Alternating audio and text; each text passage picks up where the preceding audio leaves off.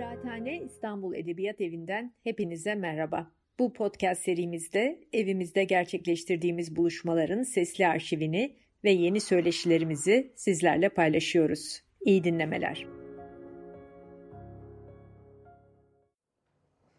İsa'dan önce 8. yılında başlayıp yıllar içinde sürgünde bitirdiği başkalaşım mitlerini yeniden anlattığı 15 bölümlük kitabın yazarıdır Ovidius. Roma'nın çapkın entelektüellerinden İmparator Augustus'un gençlik yıllarında sefahat arkadaşıydı.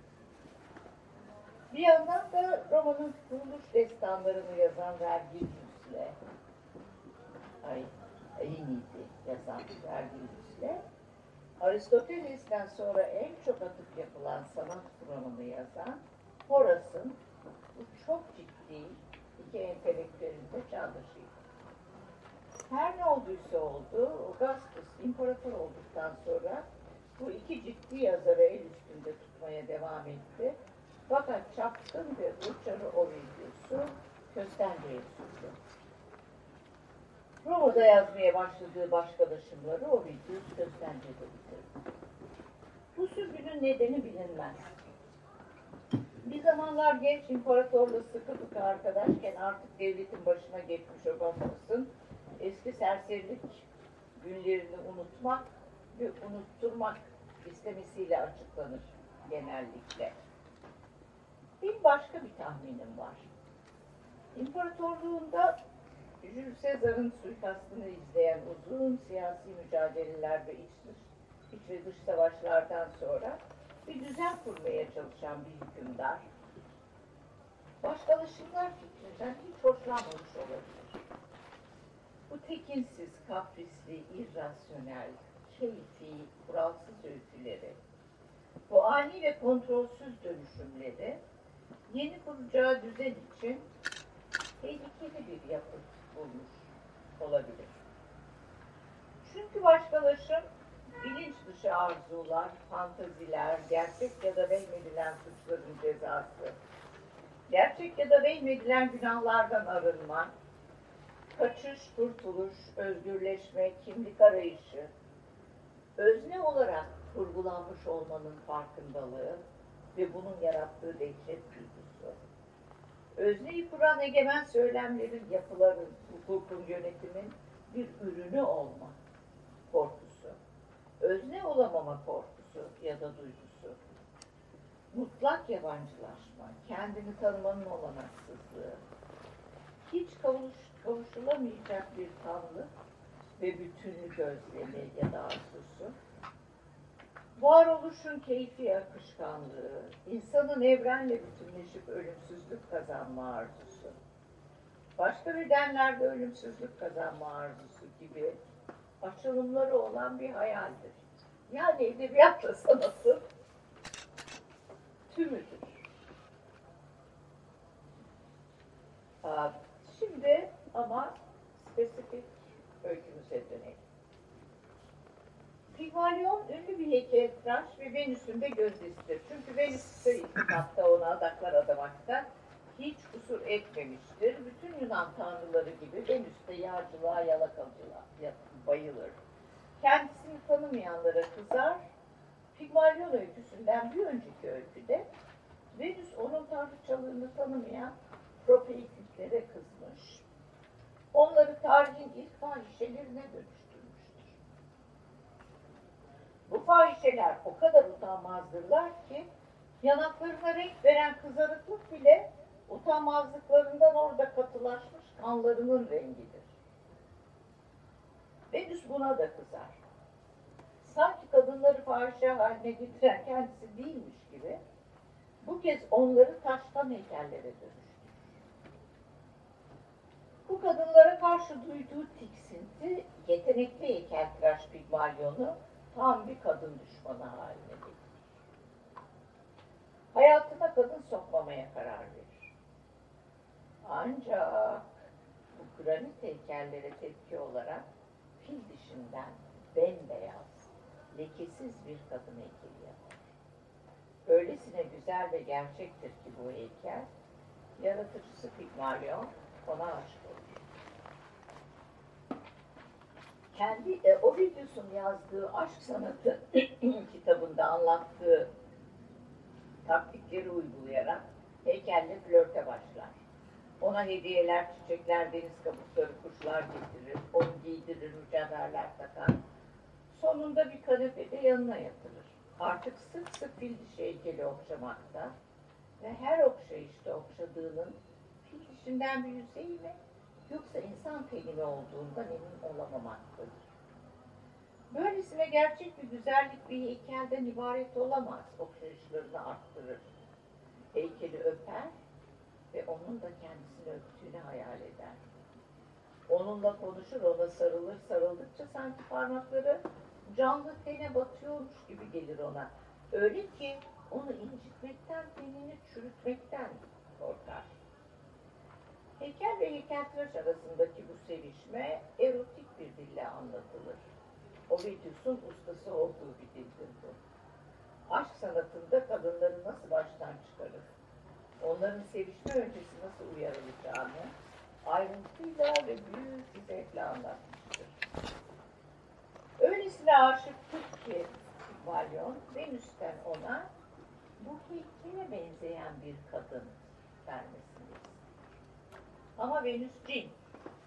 Aslında Pigmalyon'un ne istediğini gayet iyi bilir ve heykeli canlandırır. Bu canlanma sahnesi erotizmin sınırlarını epeyce aşar, pornografiye yaklaşır. Venüs'e yakardıktan sonra eve döndüğünde her zaman yaptığı gibi heykeli öper. Heykel ılıklaşmış gibidir. Tekrar öper dudaklarından ve elleriyle gözlerine dokunur. Fil dişi yumuşar. Parmaklarının sanki bal mumuymuş gibi yumuşayarak teslim olan tende izleri kalır. O bal mumu ki der anlatıcımız, kullandıkça daha kullanışlı bir hale gelen maddedir. Taş dönüşür, her an yeniden şekillendirilebilecek bal mumu olur. Yani başkalaşımın ilk aşamasında taş bal mumuna dönüşür. Ancak ondan sonra insan tenine. Taşa dönüşen prototiplere karşın insana dönüşen heykel. O zaman bu öykü Pygmalion'un prototiplere olan gizli arzusunu anlatıyor olabilir mi? Serbest kadından korkan ama aslında onu arzulayan eril ve zavallı arzu. Şimdi bundan ne anlayacağız? Bu mitten ne anlayacağız? Bir kez heykel kadın düşmanlığının ürünüdür. Üstelik haksızlığa uğramış kadınlara olan düşmanlığı. İkincisi heykeltıraşın eserine aşık olmasında bir kibir vardır. Bir, bir Kendine aşık olmakla birdir. Çünkü bu. Üçüncüsü cansız bedenle sevişmekte iktidarsızlık vardır. İster fetişizm deyin, ister nekrofili yani ölü sevişlik.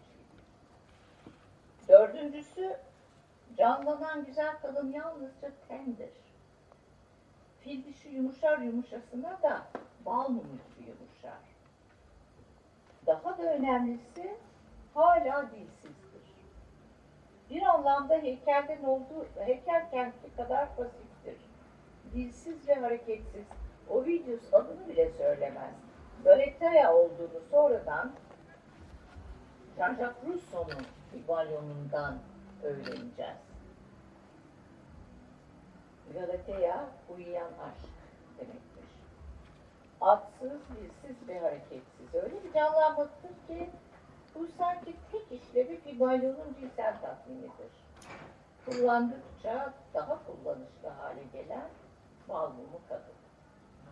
Ve bu işlevin uzantısı olan doğurganlık, evlenirler, bir de kızları olur. Adını Pafos koyarlar şimdi Kıbrıs'taki bağ. İşte işler burada sarpa sarar. Heykelin canlanmasındaki bütün tekinsiz öğeler bu sıra dışı vuslatın torunlarının kaderinde sahneyi ele geçirir. Burada Ovidius araya girer. Şimdi anlatacağım hikaye korkunç bir hikayedir. Mirhan'ın öyküsüne. Şimdi Propeitidler birinci öyküydü. Arkadan Pigmalyon geldi. Şimdi Mirha'ya geçtik. Üçüncü öykü. Başkalaşımların 10. kitabında. Öyküleri anlatan da Orpheus bu arada. Ya babalar ve kızlar bu öyküyü dinlemesinler ya da eğer illaki dinleyeceklerse bu öyküye inanmasınlar. Hiç olmamış farz etsinler diye uyarır okurlarını. Çünkü Pigmalion'un öyküsü en büyük günahla en sesli biter. Pafos'un bir oğlu olur. Çok yakışıklı bir oğlu. Onun da bir kızı Mirha. Mirha babasına aşık olur. Ne yapıp ne ettiyse bu yasak aşkta söz geçiremez. Dadısı bakar ki bu aşk Mirya'yı yiyip bitiriyor. Babasını sanki başka bir kadınmış gibi onun koynuna sokar. Ve Mirha geceler boyu babasıyla sevişir. Bu günahı yüzünden ebediyen ağlayan Mir ağacına dönüşür. Çok güzel kokulu reçine salan bir ağaç Mir. O reçine de işte Mira'nın gözyaşları gibi. Ama babasından hamile kalmıştır. Bebek ağacın gövdesinden doğar. Ve bebek Adonis. Güzeller güzeli Adonis. Ve Adonis kendisine aşık olan Venüs'e ilk acısını ölümlülerin ancak ölümlülerin tatabileceği acıyı tattırır.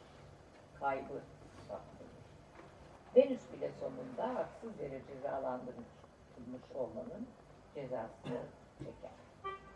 Şimdi propeitizleri atlarsak, bir öyküsünde atlarsak, Ovidius'un Pigmalion'u mutlu sonlu bir öyküdür. Tür olarak bütün mutlu sonlu yani evlenmeyle biten bütün öyküler gibi komedik türe girer. Zaten mitin varyasyonları da aralarına sıkıştığı öykülere pek bakmamış. Pigmalion ve canlanan heykel anlatısına odaklanmıştır. Ama sanat belli versiyonları, eldeki örnekleri her zaman sorgular. İrdeler. Mutlu sonla biten versiyona ya öyle mi? Nasıl yani? Ya öyle değil de böyle olsaydı sorularıyla ve bu sorulara getirdiği yanıtlarla yani parodilerle geleneği inşa eder. İlk öyküden binlerce, yüz binlerce öykü üreterek. Ya bu canlanma Pigmalion'u mutlu edecek biçimde sonuçlanmasaydı? Ya işler Pigmalion'un ve tabii Tanrıçanın da kontrolünden çıksaydı? İşte bu irdeleme farklı Pigmalion kurguları üretti. Bilebildiğim kadar ve tabii ki bilgi olamadan bu soruyla MIT'in aldığı yeni biçimleri sınıflandırmaya çalışacağım. Ama bunu yapmadan önce MIT'in yapı taşlarını saptamalıyız ki o yapı taşlar ileriki versiyonlarda nasıl oynatılmış ve nasıl yeni versiyonlar, diğer bir deyişle parodiler ortaya çıkmış. Birincisi kibir. Müthiş bir yetenek sahibiyseniz bu tanrılarla rekabet edebileceğiniz anlaşılmına mı gelir? Mary Shelley'in Doktor Frankenstein'ı da bir, bir Pygmalion figürüdür.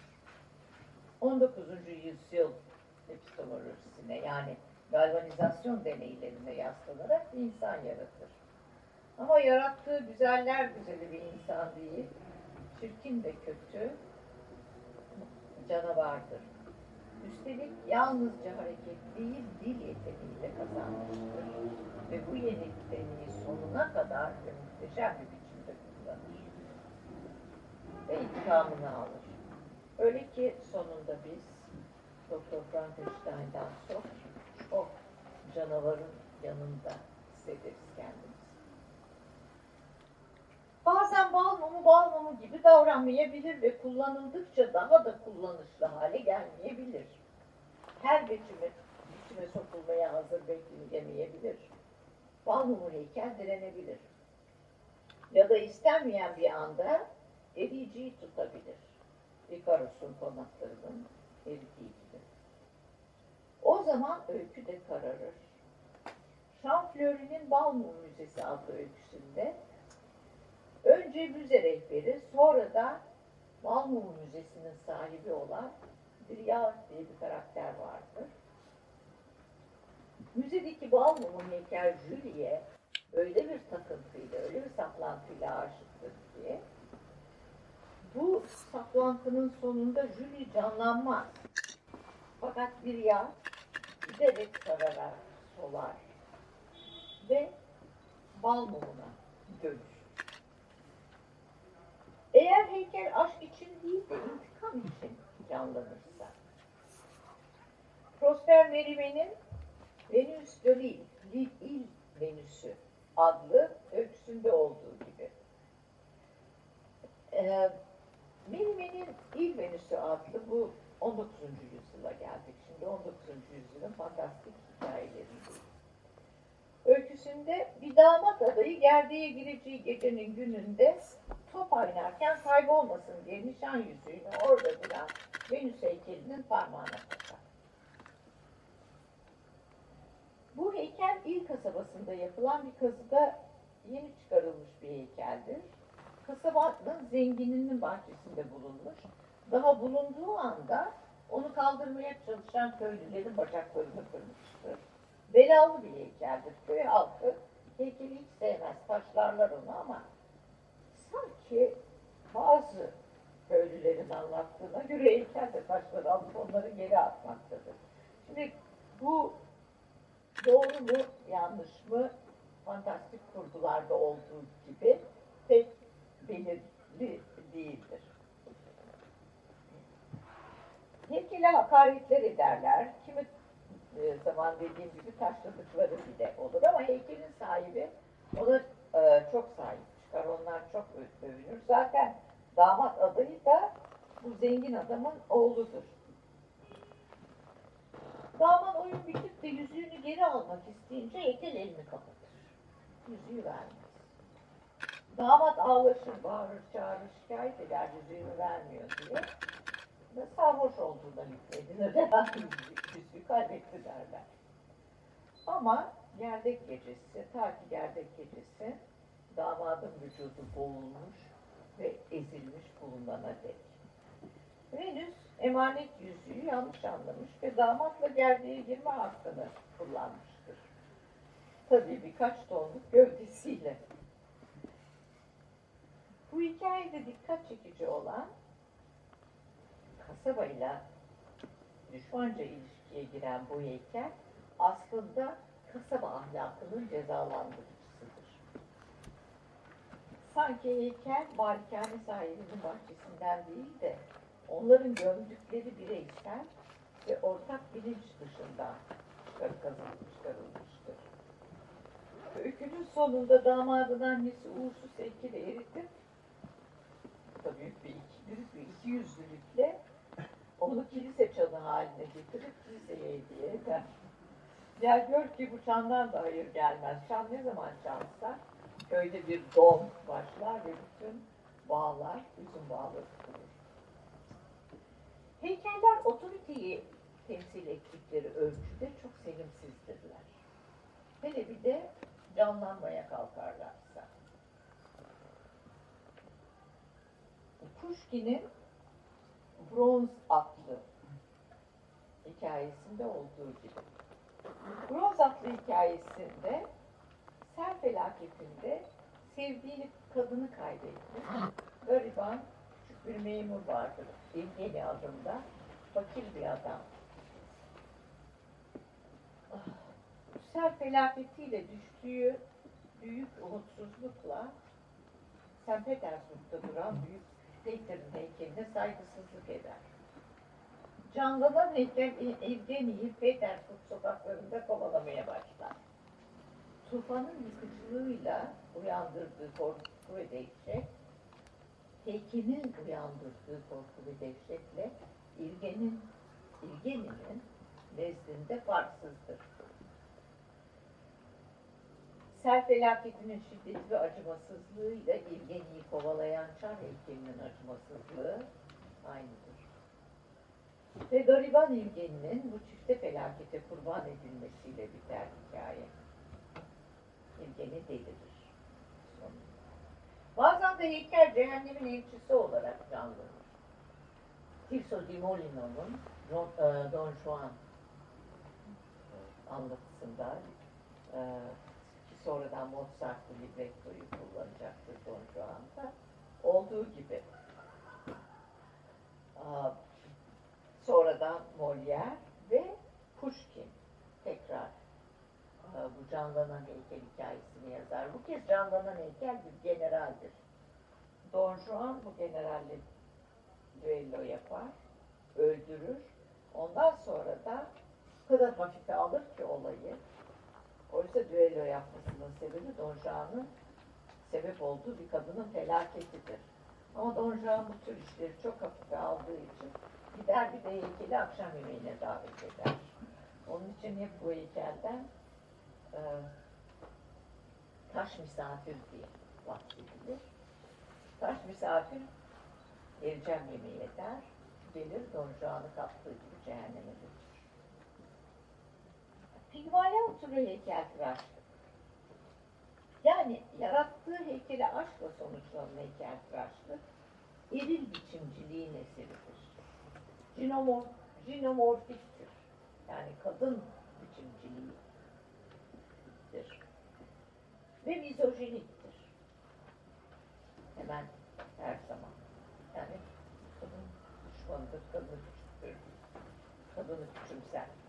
En tekinsiz örneklerinden biri Ekteya Hoffman'ın e, Kum Adam adlı o çok fantastik öyküsünde bulunur.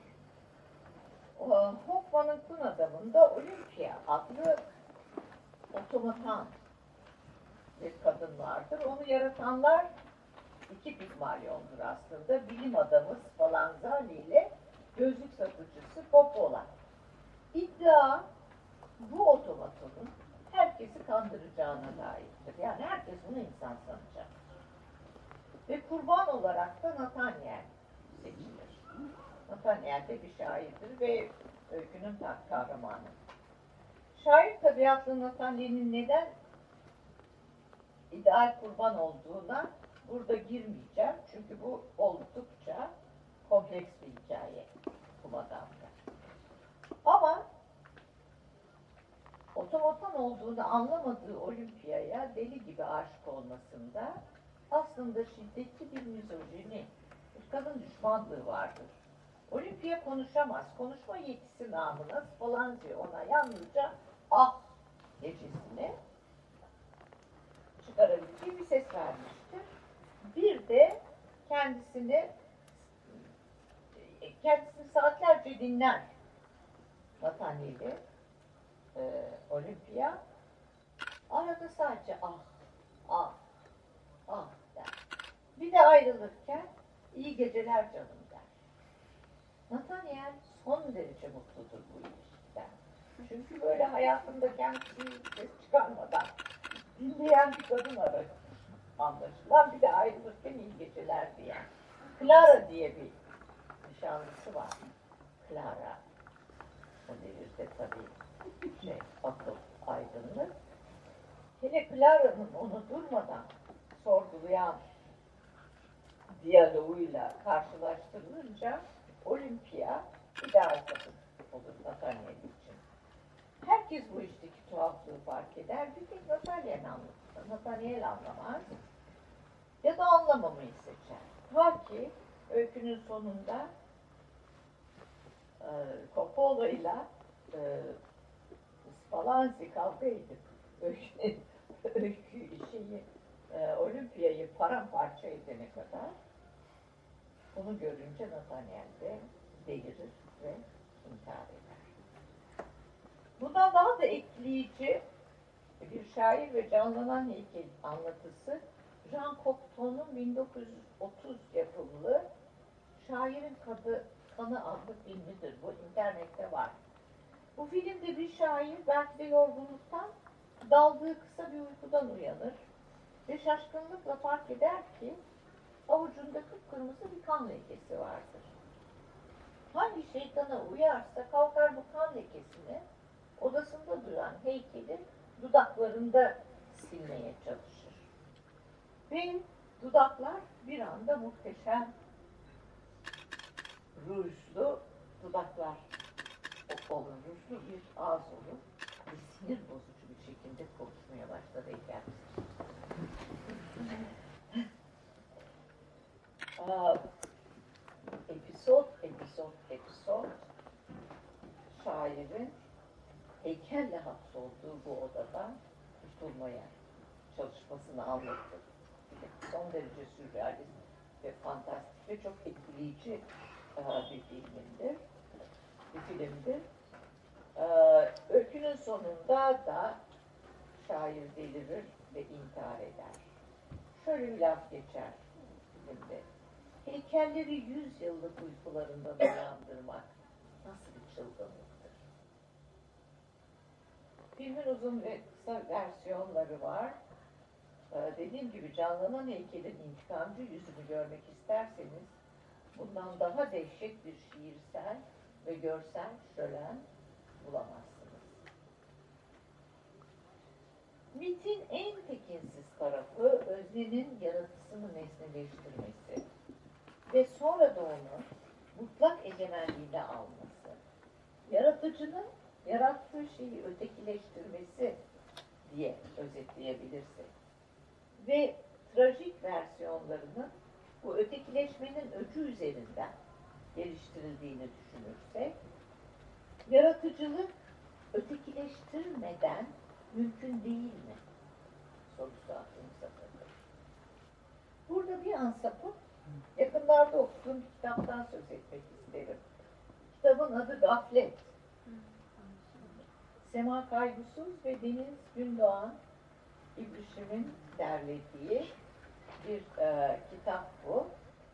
E, ve e, bu kitapta bir yapıtın yapısal yapıtın yüzeysel özelliklerini kendimizi kaptırmamaya çalışarak onun temel ideolojik saplantılarını sergileyerek okumaktan söz edilir. Böyle bir böyle bir dizi çok değerli okumaların olduğu e, bir kitaptır. Son sözü yazan Fatma Gül Berkay bunu direnerek okumak diye e, tanımlar. Şimdi ben de e, direnerek okumak her yayın alana yayılmalı elbette ama Pigmalyon öyküsüne ve Pigmalyon'un yapı taşına direnerek okuduğunu zannettiğim bir parodiden bahsetmek istiyorum. Jean-Jacques Rousseau'nun Pigmalyon ya da lirik bir sahne denen tek perdelik oyununda ve bu oyunu bitirmek istiyorum konuşmamı. Rousseau'nun Pigmalyon'u sanatçıyla yapıtı arasındaki ilişkiye odaklanır. Bu ilişkinin narsisist potansiyeline dikkat çeker.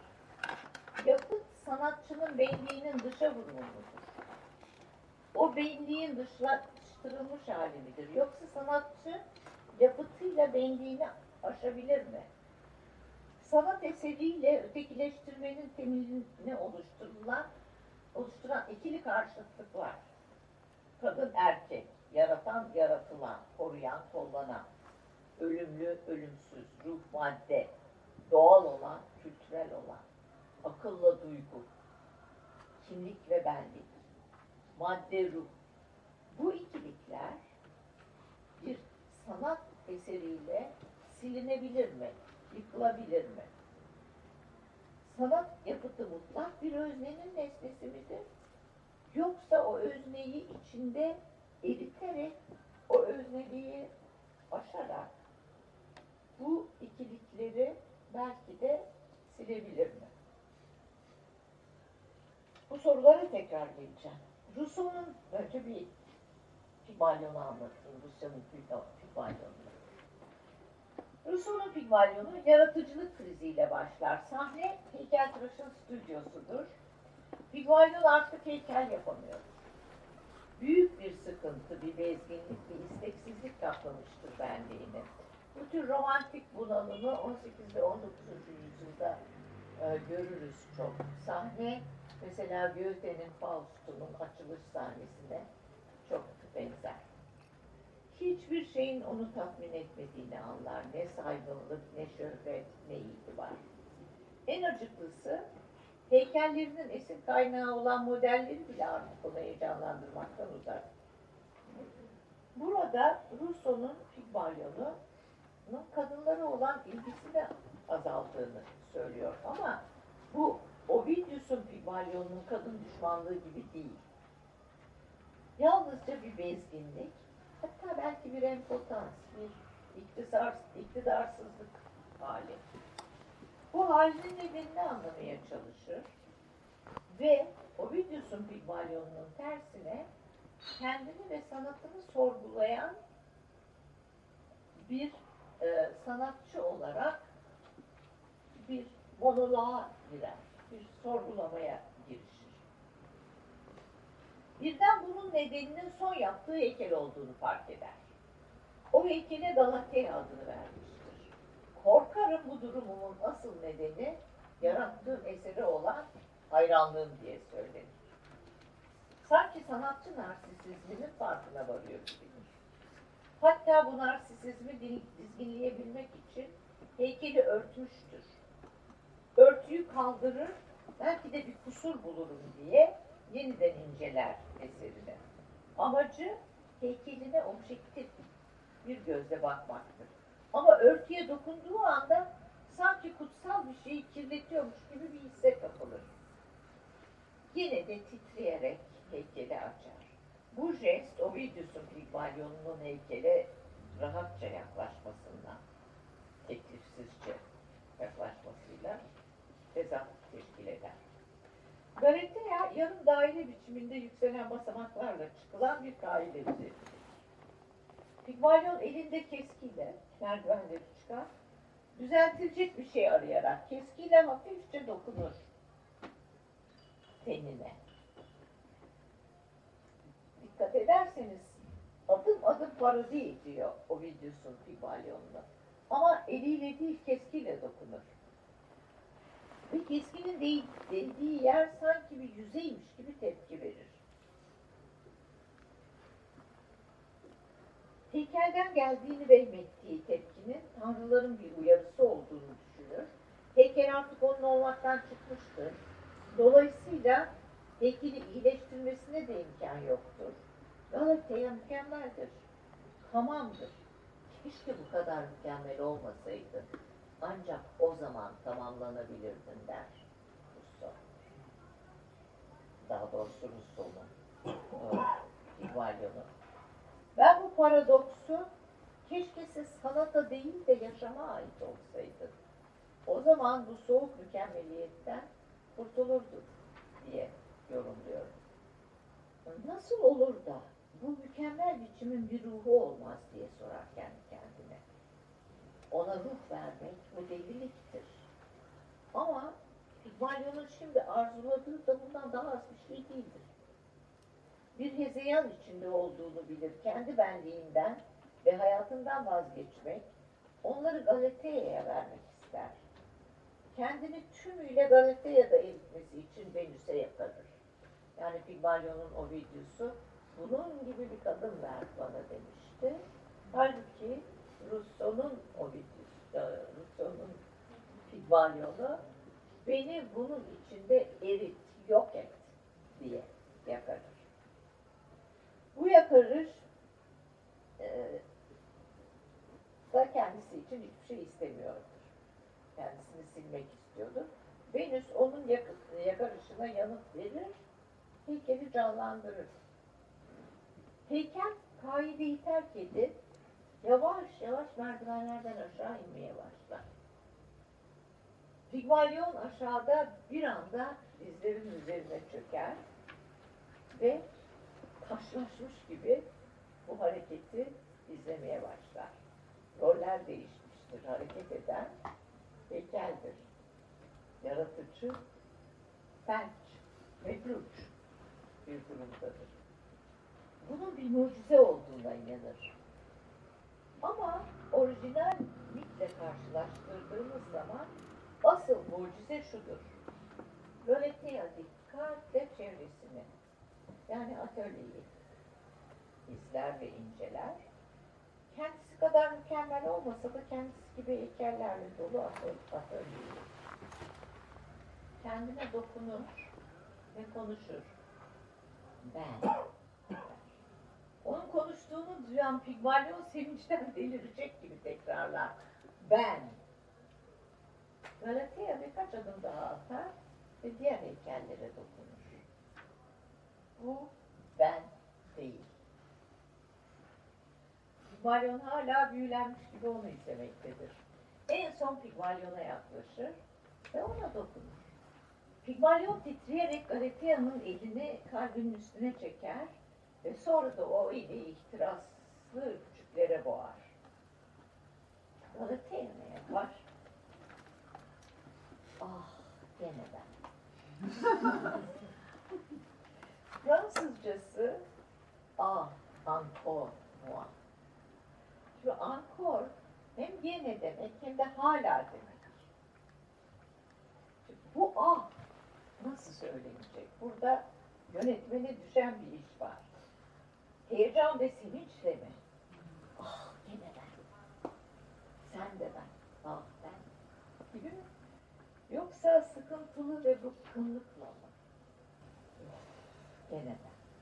Yönetmen bunu nasıl söyletirse söylesin, bence burada anlamlı olan Pigmalion'un yanıtı. Evet, güzel ve sevgili objeden. Ama Fransızca obje burada kötü anlamda obje değil bence. Nesne, yapıt, şey. Evet, güzel ve sevgili şey diye çevirmek isterim ben bunu. Çünkü obje deyince çok kötü çağrışımda var. Evet, ellerimin, kalbimin ve tanrıların başyapıtı. O sensin. Sana bütün varlığımı verdim ve bundan sonra yalnızca sen yaşadıkça yaşayacağım. Burada canlanan heykel kaideden inanıyor, insanlara karışıyor. Sanat insana yaklaşıyor. Bu yaklaşımda yaratıcısı ayrıcalıklı bir yer talep etmiyor. Bundan böyle sende yaşayacağım derken kendini siliyor ve eserinin insanla olan bağında yer alıyor. Ötekini, nesneyi, solipsizm bir bende, kendinde öznede eritmiyor. Bu vuslat, Rusya'nın vuslatı, tabii Ovidius'un Himalyon'undaki vuslattan çok farklıdır. Yalnızca Galatea'nın kendini dünyayı ve e, isimlendirmesi, tanıması e, var burada. Rousseau'nun mitini, yeniden yazışının, yazışının temelindeki yapı taşları, yani eril cinsiyetçiliği, ben merkezciliği, solipsizmi yerinden oynattığını söyleyebilir miyiz? Bu oyunun bir de Paul de Man okuması var. De Man, Rousseau'nun Pigmalion'undaki paradüs öğeleri hiç hesaba katmadan, yani Ovidius'un Pigmalion'unu hesaba katmadan benim yukarıda sözünü ettiğim ikili karşıtlıklar üzerinden okur Rousseau'nun yapıtını. Yani o işte madde, ruh, kadın, erkek, akıl, duyu vesaire bu bölünmüşlükler ki biliyorsunuz bütün e, yapı sökümcülere göre bu bölünmüşlükler, bu karşıtlıklardır ötekini yaratan. Ve bu karşıtlıklarda dille bir aşılamaz.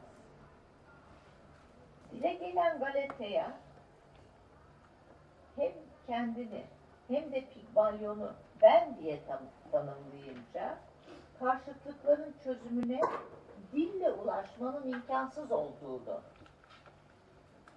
bu çabanın ancak anlamsızlık ya da solipsizmle sonuçlarını söyler. Yani karşısızlar, karşıtlıklar ya sonsuza dek yeniden üretilir, üretilir. Ee, ya da tekte eritilir. Yani benim yani Paul göre benim Mustafa diye tanımladığım sahne aslında vahdedi vücut olup mistik bir çözümden öte bir anlam taşımaz. Ben demin söz ettiğim kitaptan ödünç aldığım terimle Man'ınkinin bir gaflet okuması olduğunu söyleyeyim. Çünkü diyelim ki ötekileştirmenin nedeni olan ikili karşıtlıkları yazıyla yıkmak imkansızdır. O zaman davranışla yıkmak mümkün olmaz mı? Dil de sonuçta bir davranıştır. Rousseau miti yeniden yazarken bu yüzden vuslatı konuşmayla temsil etmiştir. Bu benim ötekiyle konuşması değil, birinin diğeriyle konuşması olabilir, olabilmeli. Rousseau'nun son sözleri, son sözleri Pigmalion'un yanıtı yaşamaya yani davranışa davettir. Bunu da dille gerçekleştirir. Bu davette birbirlerinin ötekisi değil, diğeri olarak yaşamak var. Ötekiliği davranışla yani performatifteyle, performansla yıkmak var. Yani Pygmalion ben bundan sonra böyle sende yaşayacağım derken senle birlikte düşüneceğim. Senle seçim yapacağım. Heykelken mükemmel ve tamamdın.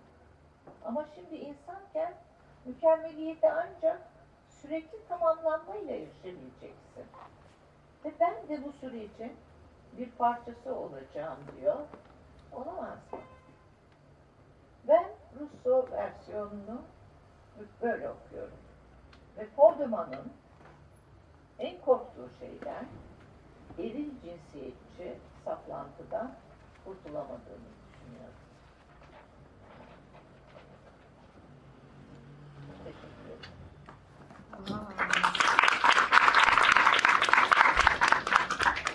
Hocam müthiş felsefi sorularla baş başa bıraktınız bizi. Ben bir şey sormak istiyorum. Yani bu Bir e, sürü vardı hangisini soracağımı şaşırdım. özne e, yani öznenin bu söylediğiniz şekilde kurtuluşu yani sanatçının, yaratının öznenin ötesine geçmesi yani yazarın kendisinin ötesine geçmesi yazdığı bir şeyi ya da işte herhangi bir sanatçının yarattığı bir şeyi e, aşkınlık e, olmadan böyle bir şey mümkün mü hakikaten? Tam da işte zaten e, o aşkınlığı elimine ediyor. Rousseau. Yani daha doğrusu ben öyle okuyorum. Rousseau. Ama kopya çektiğim bir adam var. Calvino. Hı. Calvino diyor ki başkalaşımların tüm numarası. Hudutları yok ederek, sınırları kaldırarak. Aşkınlık meselesinde ortadan kaldırmak. Dünyevilikle. Hı hı. yani burasıyla orası, dünyevilikle aşkınlık arası diye bir şey. Başkalaşımlarda söz konusu değildir. Öylesine hudutsuz, öylesine geçişken, öylesine birbirine dönüşen şeyler ki bunlar. Aa, O e, bütün romantik şairlerin Yeats'ten Rilke'ye aşkınlıkla olan takıntısı. Yani bir sanat eserinde ebedileşelim, bu dünyadan kurtulalım mı? Yoksa öyle olmasın, bu dünyanın acılarını yaşayalım daha mı iyi olur? Keats'in ne o Sana Nightingale'in sonunu düşünün. Bayılır o şey Bülbül'e ama bülbül olmak ister mi? Boş ver dersen gel ben gene burada kalayım da. Bu kadar mükemmel olmasam da. Böylesine söyleyemesem de. İşte yarım yamalak söyleyeyim. Peki bu dünyada kalayım. Ben Rousseau'nun Pigmalion'a söylediği son sözleri. Ey muhteşem yapı, ey muhteşem nesne. Ben artık bundan sonra sende yaşayacağım. Evet, bir bakıma Shakespeare'in bütün sonelerini bitirdiği gibi de yorumlayabiliriz. Ben gideceğim ama. Okay. Bu, bu sözler, bu dizeler, bu mısralar ne dek kalacak. Dolayısıyla senin güzelliğin de sonsuza dek kalacak diye bitirdiği soneler dilimi. Yoksa boş ver ya, ikimiz de insanız. Birlikte yuvarlanıp gidelim diye. Aynen bu. Çok güzel. Şey olamaz mı ya? Çok basit olacak bu kadar. Bir sürü şey belki de anlamadım ben. Ee, ama ee, Ben bu olduğunu düşünüyorum. ee, Sen de öyle diyorsun değil mi? evet. Yani şeyde aslında bunlar hani bir şey gibi gördüm. O sanat aslında orada bir yerde duruyor. E ben de bu yerde, ben de burada duruyorum. Yani ben de bir şey yaratmış olabilseydim herhalde bana gelmesini isterdim ve yani hayata e, davranışa kazandırırdım. Davran, davranışa kazandı. Değil mi? Doğrusu bu. Ben ödüm patladı bir ara anlayamıyorum seni diye. Ama giderek... Ben anlatamadım. Hayır, çok güzel anlattın üstelik de. Giderek toparladım yalnız. Bir de bir şey daha bizim verir misin? Estağfurullah. Bu da benim yine çocuklar. Ben magazinciyim aslında. Ee, şey, niye Pygmalion şeye kadar gelmedin? Rex Harrison ve Audrey Hepburn'a kadar Ya gelmedin. bir kere, Çok basit onlar? Şimdi bir kere onun sonu mutlu biliyorsun. Evet. Ama şovun Pigmalion'u mutlu sonla bitmez. Ee, Doolittle, Eliza Doolittle onu terk eden Evet. hiç basit değil. O mitil parodisini sınıfsal ve çok ince, çok sofistike bir sınıfsallığa Sınıfsal oturarak yapar. Ondan gelmedim daha çok bu böyle işte tekinsizlikten gittim. Tekinsizlik yok onda ama müthiş bir sınıfsallık var Hmm. ve yine dil üzerinden çok önemli yani e, Galatea'nın konuşamaması çok önemli daha metin. Ur hikayenin özelliği o dilsizlik. E, şeyde de şovda da Doolittle, Rainer Spey değil mi? Evet, düzgün konuşturacak da kimse anlamayacak. E yapar da bunu. Yapar da orada da e, daha yaparken de aşık olur. Aynı Pygmalion gibi. Evet. Doolittle da boş versen değil. Arkasını dönüp gider. Ama filmde film harika. Yani o mutlu sona mutlu Bir sonlara. çocuklar koktuyla seyretsinler. Bir daha hatırla. Kokto'ya girerseniz. Kokto'ya girerseniz mesela çok güzel şeyleri var internette. Bir 8 dakikalığı var, daha uzun var, daha uzun var. Ne kadar isterseniz o kadar seyredebilirsiniz. O, her şey var. Yani e, sanatçı kibrinin öylesine büyüyüp sonra kendine kibrinin de ne diyeceğim, bilinçaltının mı diyeceğim. Yani orada tabii kibirle kurbanlık arasında durmadan gidip gelen sahneler var. Kurban mı, kibirli mi, saldırgan mı? Saldırılıyor mu? Haklı mı, haksızlığa uğrayan mı? Çok, müthiş bir şey. Doktorunki keşke mesela bileyim ben. Gösterim yapalım hocam. Evet. Olabilir. İsterseniz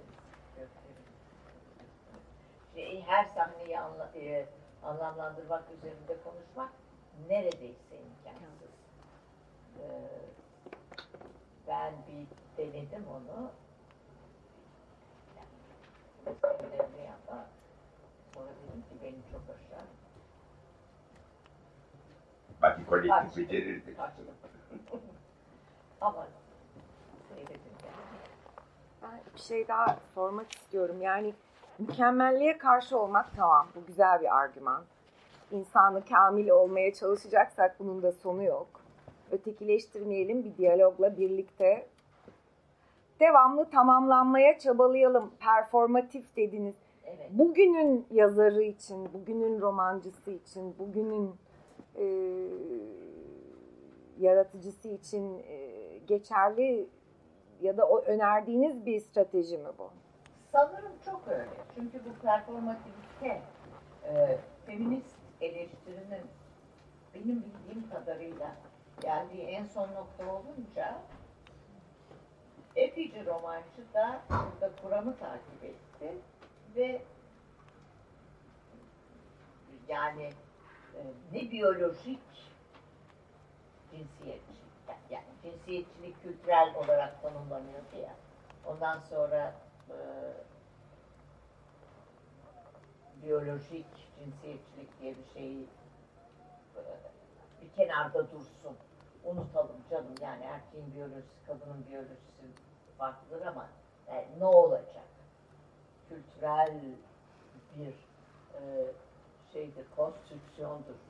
Cinsiyetçiliğin öteşi, ötesine gittiği için Judith Butler yaptı bunu. E, her an ne yaptığınız, nasıl davrandığınız, hangi cinsiyeti seçtiğinizle, kim olmayı seçtiğinizle ilgili bir şeydir. Böyle bir noktaya geldik. O Seçebiliyoruz. zaman da yani burada sen öteki ben o cins bu cins diye bir şey E, Başkalaşım kavramı tabii ki mitolojideki e, temel e, kavramlardan bir tanesi karşımıza çıkan. Çünkü çok da yaygın. E, tanrılar öteki şeyle karışabiliyor, kılık değiştiriyor gibi örneklerle aslında, aslında böyle bir değişimi biz gözlemleyebiliyoruz. Ama başkalaşım kavramı sanki bana e, biraz da zamanının, çağının e, epistemesiyle bağlantılı olarak değişiyormuş gibi geliyor. Tamam. E, Biraz da edebi Tamam. Franco Moretti'nin Edebi Biçimler Sosyolojisi kitabını e, düşünüyorum bu şey soruyu sorarken de. Siz bunu aslında anlattınız ama ben o bağlantıyı Anlat- kurabilmeye çalıştım. Anlatamadım. Oraları geçtim. Çünkü onlara girersen biraz böyle e, konuşmayı sulandırır mı, sıkıcı mı olur diye düşündüm. Oysa dediğiniz çok doğru. Şimdi elimizde bir e, Uğur mit var, ilk mit var. Oradaki başkalaşım elbette e, Yunan epistemolojisiyle oluşmuş bir baş. Yani tanrıların sonsuz kaprisleriyle oluşmuş bir başkalaşım. Rousseau'nun aklitik Rousseau'ya geldiğimizde oraya baktığımızda bir kere orada heykelin canlanmasını kelime kelime Diderot'un e, pardon Diderot Kondiyak. Kondor. Kon, Kondiyak'ın mı? Kondorsen'in mi Traité de e, de Sansasyon diye. Kondiyak'ın. Hı hı. bir yapıtı var. Diyor ki şimdi 18. yüzyıl bana hareket ve e, şeyi ver, espas ver, dünyayı yerinden oynat diye. Bir de beş duyuyu ver, insanı yaratayım. Yüzyılı. Yani 18. yüzyıl epistemolojisi tamamen Newton'un hareket kanunundan esinlenerek madem ki biz bir nesnenin nasıl hareket ettiğini anlıyoruz, demek ki insanın da nasıl hareket ettiğini anlarız deyip yeniden insanı tanımladıkları, insan doğasını yeniden tanımladıkları bir yüzyıl. Ve e, Rousseau'nun e, Galatiyası'nın canlanması o metni okuyabilseydik satır satır o e, Kondiyak'ın heykelinin nasıl canlandırdığını anlattığı o e, tri- tri- tri- tritis nedir? E, Duyular, ya, duyular üzerine. üzerinden gider. Küçük bir şey bu. Ee, küçük bir kitapçı da bu. Risale. Risale üzerinden, Risale üzerinden. İşte önce heykeli yapar, tek tek bir duyuyu verir, öbür duyuyu verir, öbür duyuyu verir. Bu büyük bir deneydir. Her duyuda o heykel nasıl canlanır, nasıl insana yaklaşır filan. En, e, yani e, insan davranışlarını duyularla öğrendiği çevrenin, duyularıyla öğrendiği çevrenin, Locke'un aynı zamanda ikinci risalesinde de anlattığı gibi, duyularla öğrendiği çevreyi, bunları birleştirip, aklıyla birleştirip, genellemeler yaparak oluşturduğunu söyler. Ve bizim dünyayı böyle bildiğimizi söyler. Önce beş duyu, sonra sentezi, sonra akıl genellemeler yapıyor. Ve biz dünyayı böyle tanıyoruz. Ee, buradaki Galateya da, da kalkıp her şeye dokunması, kendine dokunması ben, ben duyuyla o sonra. Ben değil, başka bir şey. Ee, dolayısıyla o epistemolojik çerçevede oluşturulmuş bir ben ve öteki felsefesi diyebiliriz. Evet, başkanım şimdi bunu okuyoruz. Sonra mesela Frankenstein'da doğrudan doğruya galvanizasyon teorileri. E, yani Frankenstein işte o cesetleri çıkarıp mezarları kazıp onları birleştirirken okuduğu kitaplar o sırada cansıza galvanizasyonla can verileceğine dair yazılmış bir takım şey eserler. Peki Cale Hocam şimdi yapay zeka, robotlar, robottan insana geçişler aynı mitolojide miyiz başka yere mi gidiyoruz? Epistemoloji değişti mi yoksa aynı şeyi mi yapıyoruz aslında bütün bu robotlar, filmler, yapay zeka? Yani bu epistemolojiyle tabii ki e, canlanma motifinde motifte aynı yerdeyiz. Ama acaba bilmiyorum ki. Korkularda, bilinç dışında, bilinç dışının böylesine yıkıcı, delirtici bir biçimde e, dışa vurumunda canlanan o cansızların neler yapabileceğinde herhalde yepyeni hikayeler var. Bilim kurgu zaten. Bizi aşacak. Biraz Ama mitolojik kalıp değişmedi herhalde soru soracak. yani mitolojik kalıbın yapı taşları küçük küçük yerinden uyanıp yeni e, şeyler Karışımları, e, karı- başkalaşım da başkalaşıyor. Charge dediğimiz yeniden elektriklenme yeni bir vuruş Güzel. kazanıyor ama Temel aynı diyorsunuz. Başka sorular lütfen var mı? evet. Ee, öncelikle son derece zengin ve katmerli bir sunum için teşekkür etmek istiyorum. Çok düşündürücü, çok çok derin bir sunum oldu. Özellikle sonuç kısmında. Ee, ve bugünkü günümüzde bence ivedilikle üstünde durmamız gereken bir sonuç oldu. Sadece bir edebiyat tarihçisi ve edebiyat yorumcusu olarak değil, ben kendi küçük köşemden bir sosyal bilimci olarak bunun yararına inanıyorum. E, tüm çalışmalarımda kimlik ötekilik sorunsalını irdeledim ve özellikle son dönemde Judith Butler dediniz ve daha niceleri feminist teori, postkolonyal teori ve özellikle güney teorisiyle hibrit teoriler yarattık. Son kertede sonuca ulaşabilmek için kimlik ve ötekiliği ikilik olarak ele almayıp birbirini betimleyen olgular olarak ele aldığımızda belki daha güzel bir sonuca ulaşabileceğiz. Bu sanıyorum sizin dalınızda da edebiyatta da sizler daha iyi bilirsiniz. Yeni romancılıkta da e, kendini hissettirdi. Yani okuyucu ve yazar arasındaki o ikilik değil, e, daha kavramsal bir bütüme gidiş oldu. E, sosyal bilimlerde de öyle. O türden bir hibridite, o sınırları yıkmak veya fluidite dediğimiz akıcılık çok önem kazandı. Dolayısıyla sunumunuz sanıyorum sadece kendi branşınızda değil, bizler için de son derece ilgiyle izlenilir bir sunum oldu Jale. Teşekkür ederim. Kendi branşıma dönersem benim çok sevdiğim bir tane Pygmalion hikayesi var. Bu Borges'inki.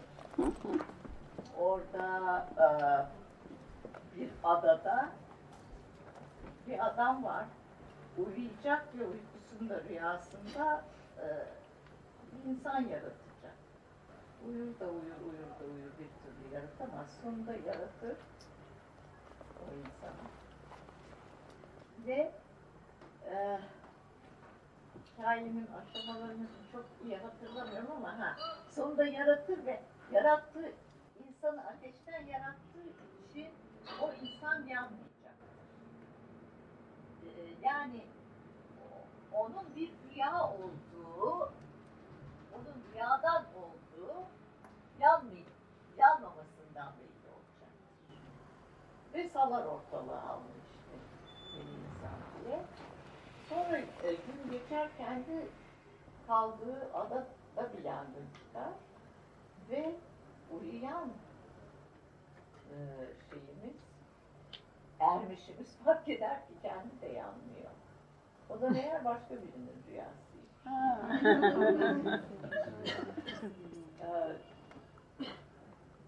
Şimdi böyle bir pigmalyonlukta rüyalardan yaratılan pigmalyonluğun şeyinde, temelinde aslında e, zaten ötekinin kendimiz olduğu, Evet. kendimizde mündeviç olduğu fikri Aynen. yatıyor ve Borges bunu o hikayede anlatır. Adı hikayenin Circular Ruins.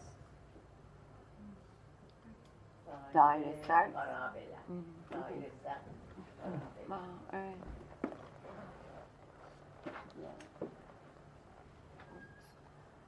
Sonu olmayan bir tema. Ama düşleyerek başkalaşmak da enteresan hani ben başkasının düşünde varım. Birbirine yaratıyor. Başkası benim düşümde var. Da umutlu bir yarattı mesaj. birini. Biz de yaratıyoruz. Biz de yarattılar. E bu güzel aslında. Biraz umut, umut verdi değil mi? Evet. Başka sorularınız var mı acaba? Ah, Böyle dediğim gibi Cahre'cim derin felsefi sorularla karşı karşıya kaldık böyle biraz. Çok çok teşekkür ediyoruz. teşekkürler. Gerçekten büyük bir